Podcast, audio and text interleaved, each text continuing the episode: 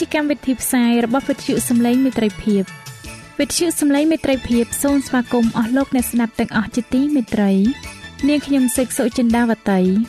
ហើយខ្ញុំបាទអង្គច័ន្ទវិជ្ជៈក៏សូមស្វាគមន៍លោកអ្នកស្ដាប់ទាំងអស់ផងដែរនៅពេលនេះយើងខ្ញុំមានសេចក្តីសុំមនស្សរីករាយដោយបានវិលមកជួបអស់លោកអ្នកនាងកញ្ញាអ្នកស្ដាប់សាជាថ្មីម្ដងទៀត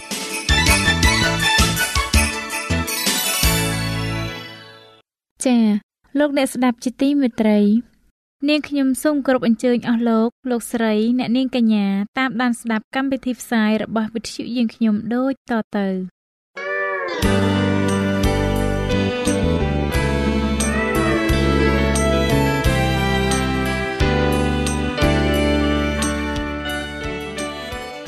ព្រះបន្ទូលសម្រាប់អ្នកនៅថ្ងៃនេះ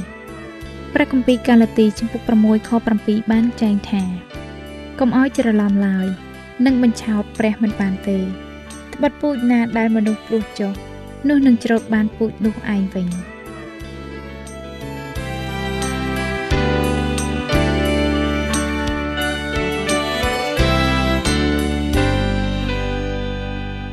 ជំរាបសួរអស់លោកអ្នកស្ដាប់នេតិសបាស្គូលប្រចាំសប្តាហ៍ទាំងអស់គ្នាជាទីមេត្រី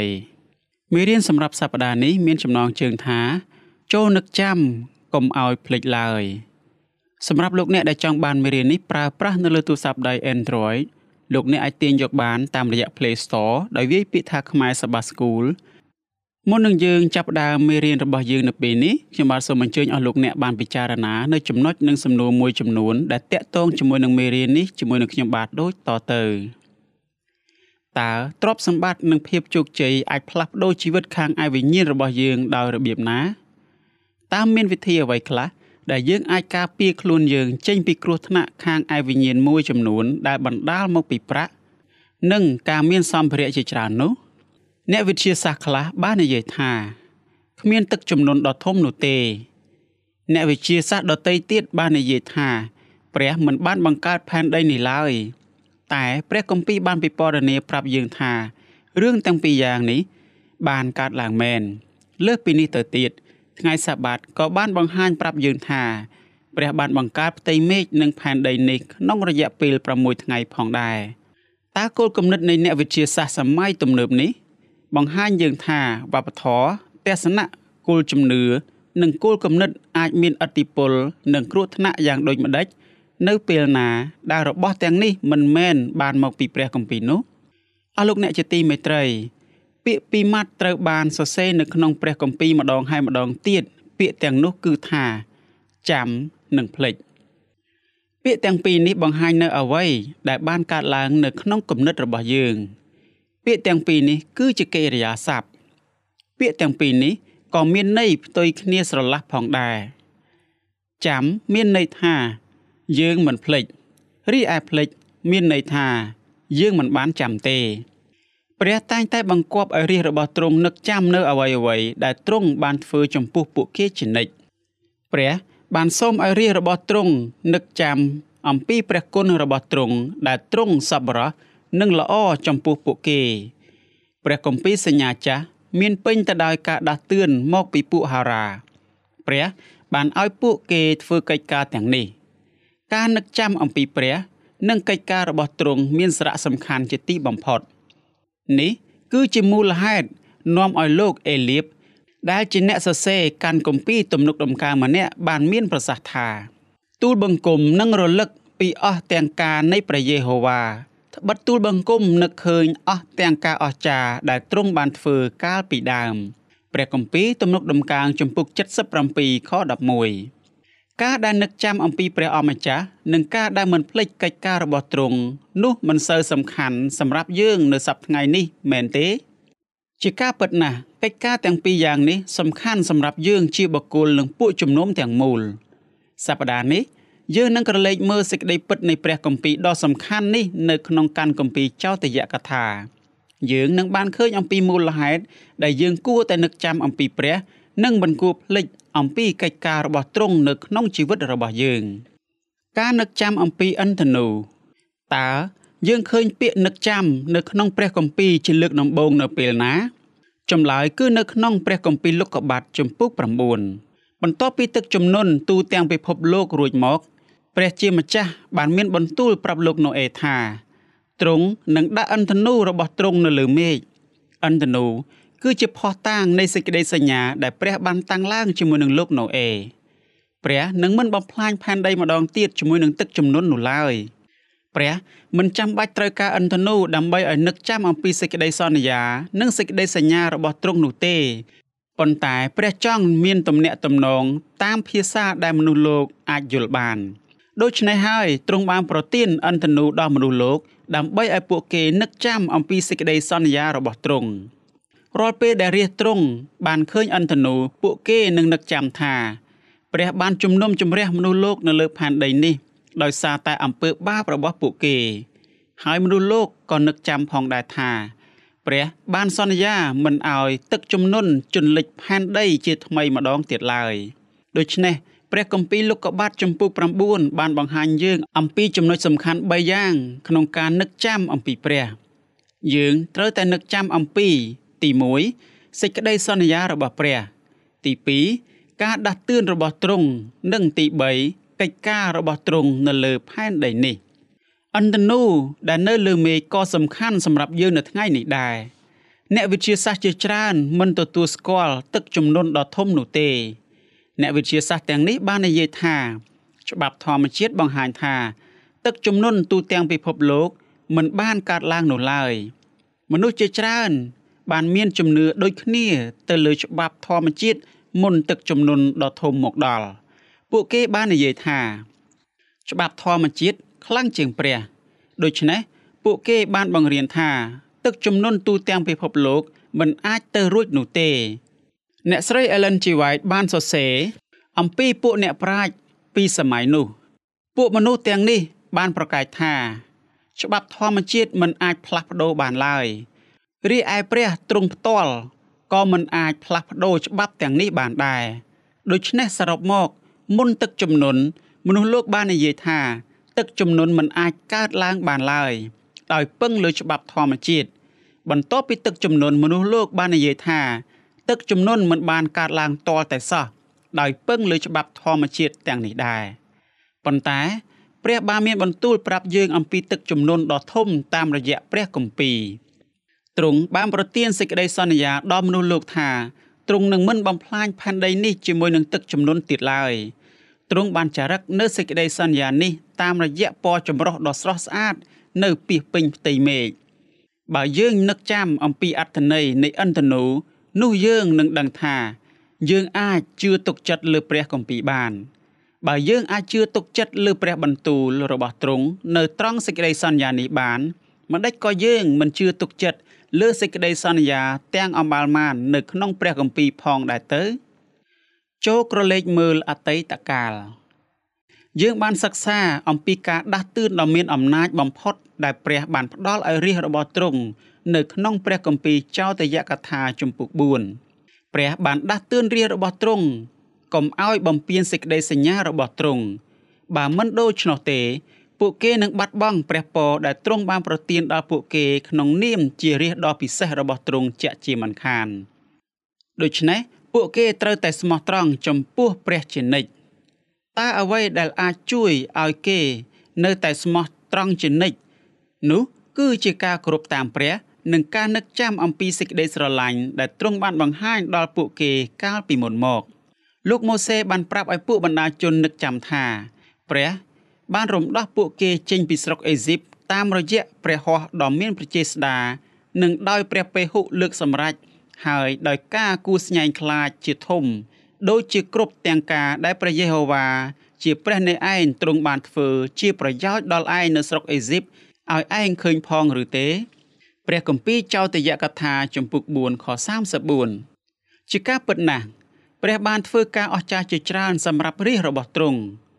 ទ្រង់ក៏បានធ្វើការទាំងនេះ តាមរបៀបដ៏មានអំណាចបំផុតដើម្បីជួយកុំឲ្យរាជរបស់ទ្រង់ភ្លេចអំពីអ្វីអ្វីគ្រប់យ៉ាងដែលទ្រង់បានធ្វើសម្រាប់ពួកគេនោះដែរលោកម៉ូសេបានសុំឲ្យពួកបណ្ដាជនក្រឡេកមើលអតីតកាលឡើងវិញតើពួកគេឃើញគ្រាណាមួយដែលព្រះបានធ្វើនៅអ្វីដែលទ្រង់បានធ្វើចំពោះពួកគេដល់សះដតីដែរឬទេ គឺគ្មានតលតែសោះលោកម៉ូសេចង់ឲ្យពួកបណ្ដាជនរៀនអំពីប្រវត្តិសាស្ត្រ ដើម្បីឲ្យបានឃើញអំពីអំណាចព្រះចេស្តារបស់ព្រះដ៏ខ្ពស់បំផុត និងអំពីទំហំដែលព្រះអម្ចាស់បានធ្វើសម្រាប់ពួកគេ ពេលនោះពួកគេនឹងមានអារម្មណ៍ដឹងគុណរួចថ្លែងអំណរគុណចំពោះសកម្មភាពដ៏អស្ចារ្យរបស់ទ្រង់នៅក្នុងជីវិតរបស់ពួកគេផ្ទាល់តើសកម្មភាពដ៏សំខាន់បំផុតមួយដែលព្រះបានធ្វើសម្រាប់រាជរបស់ទ្រង់គឺជាអ្វី គឺថា ព្រះបានរំដោះពួកគេចេញពីស្រុកអេស៊ីបមក ហើយអ្វីដែលគួរឲ្យភ្ញាក់ផ្អើលជាងនេះទៅទៀតនោះគឺថាព្រះបានមានបន្ទូលជាមួយនឹងពួកគេនៅឯភ្នំស៊ីណាយនៅទីនោះលោកម៉ូសេបានមានប្រសាសន៍ថាទ្រង់បានឲ្យឃើញភ្លើងដ៏ធំរបស់ទ្រង់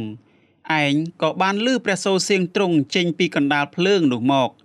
ព្រះគម្ពីរចោទយកថាជំពូក4ខ36ព្រះបានរំដោះរាជរបស់ទ្រង់ចេញពីស្រុកអេស៊ីបឥឡូវនេះ ពួកគេហៀបនឹងចូលទៅកាន់ទឹកដីសន្យាហើយព្រះបានរក្សាផ្នែកនៃសេចក្តីសញ្ញារបស់ទ្រង់ដូច្នេះពួកគេត្រូវតែអនុវត្តផ្នែករបស់ពួកគេតើផ្នែករបស់ពួកគេគឺជាអ្វីពួកគេត្រូវតែគោរពតាមព្រះជានិច្ចចូលប្រយ័ត្នកុំឲ្យភ្លេចឡើយសូមលោកអ្នកបានអានព្រះគម្ពីរចោទយកថាជំពូក4ខ9និងខ23តើព្រះអម្ចាស់បានបង្គាប់ឲ្យរាជរបស់ទ្រង់ធ្វើអ្វីនៅក្នុងខទាំងពីរនេះ តើហេតុអ្វីបានជាការដាស់តឿននេះសំខាន់ម្ល៉េះសម្រាប់រាជរបស់ទ្រង់កិរិយាសព្ទពីរឃ្លាដែលធ្វើឲ្យយើងចាប់អារម្មណ៍ភ្លាមនៅក្នុងខទាំងពីរនេះកិរិយាសព្ទនោះគឺចូលប្រយ័ត្ននិងកុំឲ្យភ្លេចឡើយតើព្រះអម្ចាស់កំពុងតែមានបន្ទូលអំពីអ្វីទៅកាន់រាជរបស់ទ្រង់នៅត្រង់ខទាំងពីរនេះកុំឲ្យភ្លេចនៅអ្វីដែលខ្ញុំបានធ្វើសម្រាប់អ្នកឡើយ ក៏កុំឲ្យភ្លេចសេចក្តីសញ្ញាដែលខ្ញុំបានតាំងជាមួយនឹងអ្នកដែរ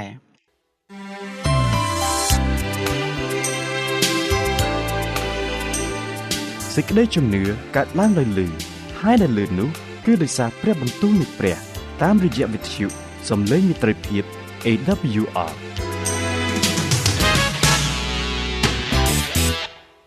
អស់លោកអ្នកជាទីមេត្រី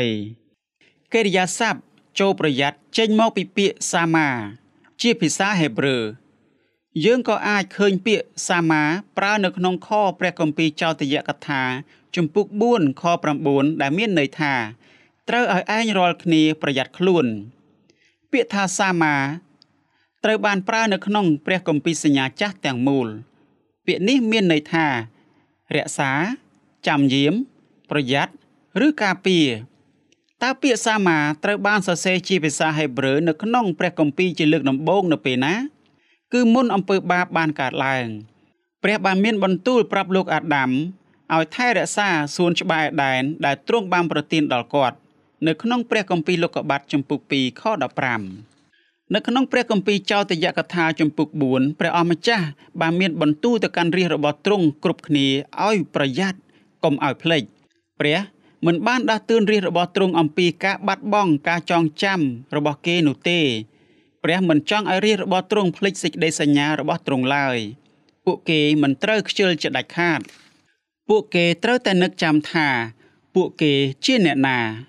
ពួកគេក៏ត្រូវតែនឹកចាំអំពីរបៀបដែលព្រះចង់ឲ្យពួកគេរស់នៅ នៅពីមុខជនជាតិហេប្រឺមនុស្សចម្លែកនិងអ្នកស្រុកក្រៅដទៃទៀតផងដែរ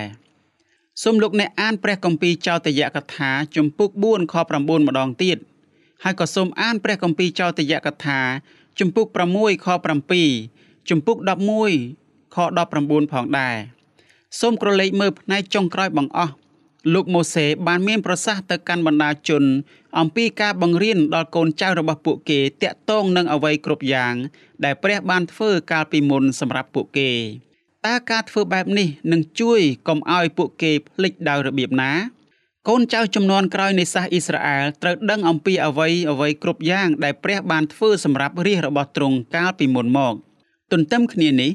អ្នកដែលនិយាយរឿងម្ដងហើយម្ដងទៀតក៏បានទទួលពរផងដែរបទពិសោធន៍នេះអាចជួយឲ្យពួកគេនឹកចាំគ្រប់ទាំងការអស្ចារ្យដែលព្រះបានធ្វើសម្រាប់ពួកគេជានិច្ចអ្នកនឹងឆ្អែតនៅពេលដែលអ្នកបរិភោគហើយអ ស់លោកអ្នកជាទីមេត្រីសូមក្រឡេកមើលព្រះពរទាំងអស់ដែលពួកបណ្ដាជននឹងបានទទួលប្រសិនបើពួកគេគោរពតាមព្រះព្រះនឹងប្រទានទឹកដីដ៏ស្រស់ស្អាតនិងសម្បូរបែបដោយបានមានបន្ទូលយ៉ាងដូចនេះថាឯងនឹងបរិភោគអាហារមិនមែនដោយរដ្ឋបတ်ទេឯងនឹងមិនខ្វះខាតអ្វីនៅស្រុកនោះឡើយព្រះគម្ពីរចោទយកថា ចំពុក8ខ9ព្រះ ក៏នឹងប្រទានពរដល់រាជរបស់ទ្រង់ជាច្រើនជាងនេះផងដែរព្រះនឹងប្រទានវងសัตว์មាសប្រាក់និងផ្ទះដ៏ស្រស់ស្អាតដល់រាជរបស់ទ្រង់ព្រះអម្ចាស់ក៏នឹងប្រទានពរនៅរបស់ល្អល្អគ្រប់យ៉ាងដល់ជនជាតិអ៊ីស្រាអែលនៅក្នុងមួយជីវិតរបស់ពួកគេយ៉ាងសម្បូរបែបប៉ុន្តែតើនឹងមានអ្វីកើតឡើងបន្ទាប់ទៀតរាជរបស់ព្រះនឹងមានគ្រោះថ្នាក់ជាក់ជាមិនខាន អស់អ្នកណាដែលមានបាននៅក្នុងជីវិតនេះនឹងប្រឈមមុខនឹងគ្រោះថ្នាក់នេះជនជាតិអ៊ីស្រាអែលនឹងមានហានិភ័យនៃការភ្លេចថា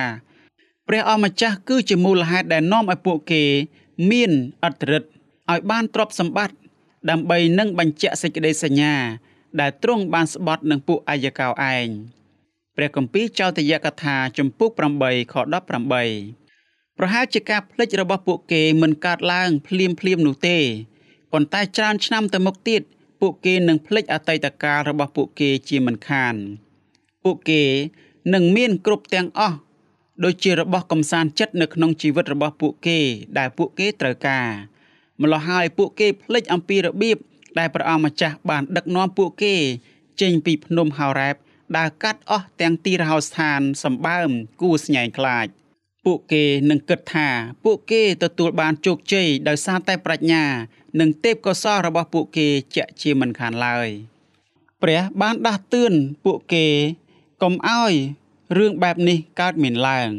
ប៉ុន្តែយើងបានឃើញនៅក្នុងព្រះគម្ពីរពេលក្រោយៗមកទៀតថា ពួកគេបានធ្វើរឿងដែលព្រះបានហាមពួកគេមិនឲ្យធ្វើដូច្នេះនៅក្នុងអំឡុងពេលដែលពួកគេទទួលបានជោគជ័យ លោកម៉ូសេបានដាស់តឿនពួកគេឲ្យនឹកចាំថា ព្រះអម្ចាស់គឺជាហេតុផលតែមួយគត់នៃភាពជោគជ័យរបស់ពួកគេលោកម៉ូសេបានដាស់តឿនពួកគេកុំឲ្យចាញ់បញ្ឆោតតាមរយៈព្រះពរខាងឯសម្ភារៈដែលព្រះបានប្រទានដល់ពួកគេនោះឡើយរាប់រយឆ្នាំក្រោយមកព្រះយេស៊ូវនឹងផ្ដល់នូវការដាស់តឿនអំពីទ្រព្យសម្បត្តិដដែលនេះដូចជាលោកម៉ូសេធ្វើដូច្នោះដែរ យើងអាចឃើញនៅការដាស់តឿននេះនៅក្នុងរឿងប្រៀបធៀបដែលព្រះយេស៊ូវបាននិទានអំពីបរោះដាំគ្រាប់ពូជម្នាក់ព្រះយេស៊ូវបានដាស់តឿនពួកយើងកុំឲ្យចាញ់បញ្ឆោតតាមរយៈចិត្តលោភលន់ចង់បានទ្រព្យសម្បត្តិនោះឡើយព្រះគម្ពីរម៉ាកុសចំពុក4ខ19ប្រហែលជាគ្នាយើងមួយចំនួនមានប្រាក់និងរបស់ល្អល្អជាច្រើននៅក្នុងជីវិតនេះមិនថាយើងមានអ្វីច្រើនប៉ុណ្ណានោះទេ យើងត្រូវចងចាំថា យើងទាំងអស់គ្នានឹងស្លាប់នៅថ្ងៃណាមួយជាមិនខានលុះត្រាតែព្រះយេស៊ូវយាងត្រឡប់មកវិញមុនថ្ងៃនោះមកដល់តើសេចក្តីពិតនៃព្រះគម្ពីរបានប្រាប់យើងអ្វីខ្លះអំពីគ្រោះថ្នាក់ដែលបណ្ដាលមកពីទ្រព្យសម្បត្តិនោះតើទ្រព្យសម្បត្តិអាចធ្វើឲ្យយើងភ្លេចសេចក្តីត្រូវការរបស់យើង ទៅលើព្រះអង្គដែលអាចជួយសង្គ្រោះយើងចេញពីសេចក្តីស្លាប់បានដោយរបៀបណា ចូលនឹកចាំថា អ្នកក៏ជាទាសករដែរ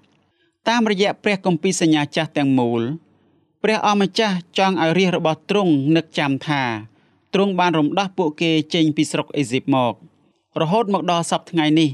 ជនជាតិយូដាជាច្រើនអ្នកបានប្រារព្ធពិធីនៅថ្ងៃនេះ ដែលគេឲ្យឈ្មោះថាបុណ្យរំលងដោយដែលលោកម៉ូសេបានបង្គាប់ពួកបណ្ដាជនយ៉ាងដូចនេះថា កាលណាអ្នករាល់គ្នាបានចូលទៅក្នុងស្រុក ដែលព្រះយេហូវ៉ានឹងប្រទានមកតាមសេចក្តីសន្យាទ្រង់ នោះត្រូវកាន់តាមរបៀបនេះកំខាន បើកាលណាកូនចៅអ្នករាល់គ្នាសួរថាតើរបៀបនេះមានន័យដូចម្ដេចនោះត្រូវឆ្លើយថា នេះគឺជាយ៉ាញ់បូជានៃបុណ្យរំលងថ្វាយដល់ព្រះយេហូវ៉ាដែលទ្រង់យាងរំលងផ្ទះពួកកូនចៅអ៊ីស្រាអែលនៅស្រុកអេស៊ីបក្នុងកាលដែលទ្រង់បានវាយពួកសាសអេស៊ីបហើយបានប្រោសឲ្យពួកផ្ទះយើងរាល់គ្នារួចព្រះគម្ពីរនិខាម៉ាណាំងជំពូក12 ខ25ដល់ខ27សប្តាហ៍ថ្ងៃនេះបនរំលងបង្ហាញយើងអំពីរបៀបដែលយើងត្រូវបានសង្គ្រោះលោកប៉ុលបានបកស្រាយយ៉ាងដូចនេះថាចូលសម្អាតដំបែចាស់ចេញ ដើម្បីឲ្យអ្នករាល់គ្នាបានត្រឡប់ជាដុំម្សៅថ្មីវិញត្បិតអ្នករាល់គ្នា បានឥតដំបែហើយព្រោះព្រះគ្រីស្ទដ៏ជាយ៉ាញ់បូជានៃបនរំលង នោះបានត្រូវថ្វាយជំនួសយើងរាល់គ្នាហើយ ព្រះគម្ពីរកូរិនថូសខ្សែទី1ចំពុក5ខ7អស់លោកអ្នកជាទីមេត្រីលោកប៉ុលចង់ឲ្យពួកជំនុំអេភីសូនឹកចាំថា ព្រះបានសង្គ្រោះពួកគេចេញពីអំពើបាប ព្រះបានអត់ឱនទោសឲ្យពួកជំនុំអេភីសូហើយបានបង្ហាញពួកគេអំពីព្រះគុណរបស់ទ្រង់ឥឡូវនេះ គ្រីស្ទៀនទាំងនេះ បានទទួលព្រះពរដ៏ហូរហៀប៉ុន្តែលោកប៉ុលបានប្រាប់ពួកជំនុំអេភីសូថា ពួកគេគ្មានអ្វីដែលត្រូវអួតនោះទេទង្វើល្អរបស់ពួកគេមិនអាចធ្វើឲ្យពួកគេផ្គាប់ព្រះតីព្រះបានឡើយ ការសពព្រះតីនេះ គឺជាអំណោយទៅវិញទេមិនថាយើងជាអ្នកណាក៏ដោយយើងត្រូវតែនឹកចាំអំពីអ្វីដែលព្រះបានធ្វើសម្រាប់យើងតាមរយៈព្រះយេស៊ូវជានិច្ចអ្នកស្រី Ellen G. White បានលើកឡើងនៅក្នុងសិភៅព្រះនៃសេចក្តីស្រឡាញ់យ៉ាងដូចនេះថា ចំណាយពេលគិត1ម៉ោងជារៀងរាល់ថ្ងៃអំពីព្រះជន្មរបស់ទ្រង់លើសពីនេះទៅទៀតសូមគិតអំពីគ្រាចុងក្រោយនៃព្រះជន្មរបស់ទ្រង់នៅពេលលោកអ្នកគិតអំពីការសគត់របស់ព្រះយេស៊ូវជំនួសលោកអ្នកនៅលើឈើឆ្កាងនោះការទុកចិត្តរបស់លោកអ្នកទៅលើព្រះនឹងកាន់តែបានរឹងមាំឡើងសេចក្តីស្រឡាញ់របស់លោកអ្នកនឹងចាក់ឫសកាន់តែជ្រៅទៅជ្រៅទៅ ពេលនោះ លោកអ្នកនឹងត្រូវបានបំពេញដោយសេចក្តីស្រឡាញ់របស់ទ្រង់យ៉ាងជ្រាលជ្រៅបន្ថែមទៀតរីឯនៅក្នុងសិភៅការចាប់ផ្ដើមនៃចុងបញ្ចប់របស់អ្នកស្រី Ellen G. White អ្នកស្រីក៏បានលើកឡើងដែរថាព្រះបានដាក់ឥន្ធនូដ៏ស្រស់ស្អាតនៅលើពពកព្រះបានបន្ទាបអង្គទ្រង់ដល់កម្រិតរបស់យើង នៅពេលដែលទ្រង់ប្រទានអំណោយនេះដល់យើងទ្រង់ចង់បង្ហាញយើងដែលជាបាបជនថាទ្រង់ស្រឡាញ់យើងខ្លាំងប៉ុណ្ណា ដូច្នេះទ្រង់បានដាក់អន្តនូនៅលើមេឃទុកជាភ័ស្តុតាងនៃសេចក្តីសញ្ញារបស់ទ្រង់ជាមួយនឹងមនុស្សលោកព្រះអម្ចាស់បានប្រកាសថាទ្រង់អនុវត្តតាមសេចក្តីសន្យានេះ នៅពេលដែលទ្រង់បានឃើញអន្តនូទ្រង់នឹងនឹកចាំអំពីសេចក្តីសញ្ញារបស់ទ្រង់តើសេចក្តីប្រកាសនេះ បង្ហាញយើងថា ព្រះអាចនឹងភ្លេចសេចក្តីសន្យារបស់ទ្រង់ម្ដងម្កាលមែនឬមិនមែនដូច្នោះឡើយព្រះ បានមានទំនាក់ទំនងជាមួយយើងតាមរយៈពាក្យពេចន៍ដែលអាចជួយឲ្យយើងយល់អំពីទ្រង់បានកាន់តែច្បាស់និងប្រសើរឡើងព្រះមានផែនការសម្រាប់អន្តនូនៅពេលអនាគតកូនចៅនៃរាជរបស់ទ្រង់នឹងបានឃើញអន្តនូនេះ ពេលនោះពួកគេនឹងសួរឪពុកម្ដាយរបស់ខ្លួនអំពីអន្តនូនេះ បន្ទាប់មកឪពុកម្ដាយគួរតែប្រាប់កូនចៅរបស់គេអំពីរឿងនៃទឹកជំនន់ដ៏ធំដែលបានកើតឡើង។ ពួកគេគួរតែប្រាប់កូនចៅរបស់ពួកគេថាព្រះដ៏ខ្ពស់បំផុត បានពុតអន្តនូដាក់នៅលើពពក អន្តនូគឺជាសេចក្តីសន្យាមួយ វាបង្ហាញមនុស្សលោកថាព្រះនឹងមិនពន្លិចផែនដីនេះទៅក្នុងទឹកជំនន់ទៀតឡើយដូច្នេះចាប់ពីពេលនោះមកអន្តនូនឹងបង្ហាញអំពីសេចក្តីស្រឡាញ់ដែលព្រះមានចំពោះក្រុមគ្រួសារនៃមនុស្សជាតិគ្រប់គ្រប់គ្នាសេចក្តីស្រឡាញ់នេះ និងជំរុញឲ្យមនុស្សលោកជឿទុកចិត្តលើព្រះកាន់តែខ្លាំងឡើងអស់លោកអ្នកទាំងអស់គ្នាជាទីមេត្រី ខព្រះគម្ពីរដ៏សំខាន់មួយសម្រាប់មេរៀននៅសប្តាហ៍នេះ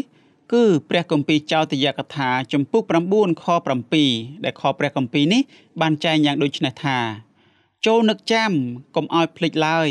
ថាឯងបានបណ្ដាលឲ្យព្រះយេហូវ៉ាជាព្រះនៃឯងមានសេចក្តីក្រោធនៅត្រង់ទីរហោស្ថាន ហើយចាប់តាំងពីថ្ងៃដែលឯងចេញពីស្រុកអេស៊ីបរហូតមកដល់ទីនេះ នោះឯងរាល់គ្នាចេះតែបះបោនឹងព្រះយេហូវ៉ាជាដរាបអស់លោកអ្នកស្ដាប់ជាទីមេត្រីសូមឲ្យមេរៀននេះបានជាកម្លាំងស្មារតីជួយពង្រីកនៃសេចក្តីជំនឿរបស់អស់លោកអ្នកឲ្យជឿជាក់លើសេចក្តីសន្យារបស់ព្រះជាម្ចាស់នៃយើងរាល់គ្នា ជាពិសេសសូមឲ្យមេរៀនអតីតកាលដែលជាបទពិសោធន៍ដែលព្រះទ្រង់បានប្រទានដល់អស់លោកអ្នក បានជាសេចក្តីរំលឹកអំពីអំណាចប្រជាស្ដាររបស់ទ្រង់ក្នុងការដឹកនាំជីវិតរបស់អស់លោកអ្នករហូតមកដល់ពេលនេះហើយក៏សូមឲ្យទ្រង់បានប្រទានកម្លាំងក្នុងការបន្តដំណើរនៃសេចក្តីជំនឿតទៅមុខទៀតរហូតដល់ដែលព្រះអង្គយាងមកវិញជាលើកទី2ផងដែរយើងខ្ញុំនឹងវិលមកជួបអស់លោកអ្នកជាថ្មីម្ដងទៀតនៅមេរៀនសបាស្គូលសម្រាប់សប្ដាហ៍ក្រោយ សូមអរគុណ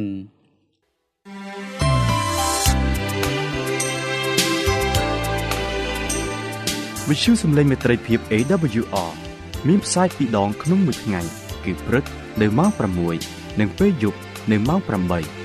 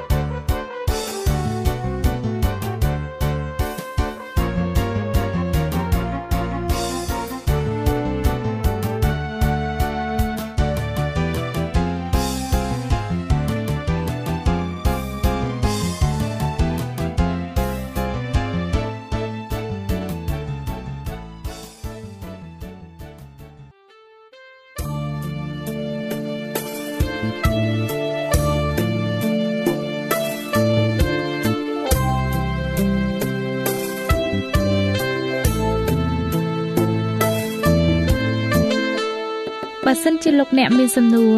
ឬសំណុំពរអ្វីសូមតាក់ទងមកការិយាល័យវិទ្យុយើងខ្ញុំ តាមអាស័យដ្ឋានផ្ទះលេខ15ផ្លូវលេខ568សង្កាត់បឹងកក់2ខណ្ឌទួលគោករាជធានីភ្នំពេញលោកអ្នកក៏អាចសរសេរសម្បត្តិផ្ញើមកយើងខ្ញុំ តាមរយៈប្រអប់សម្បត្តិលេខ488ភ្នំពេញឬតាមទូរស័ព្ទលេខ012 34 96 64ឬ097 80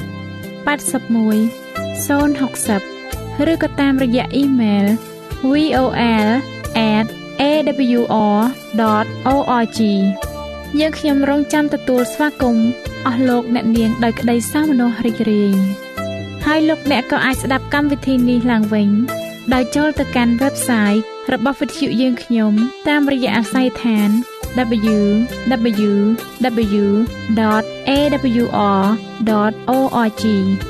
លោកអ្នកនាងកញ្ញាជាទីមេត្រី កម្មវិធីផ្សាយរបស់វិទ្យុសំឡេងមេត្រីភាពនៅពេលនេះសូមបញ្ចប់តែប៉ុណ្ណេះ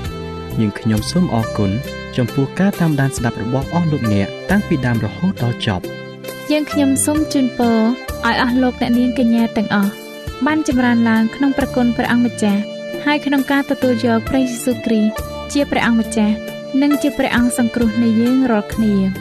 នាទីផ្សាយរបស់វិទ្យុយើងខ្ញុំនឹងវិលមកជួបអស់លោកអ្នកសាជាថ្មីម្ដងទៀតនៅថ្ងៃស្អែកវេលាម៉ោងដដែលនាងខ្ញុំសេកសុចិន្តាវតីនិងខ្ញុំបាទអ៊ំច័ន្ទវិជ្ជៈសូមអរគុណសូមជម្រាបលា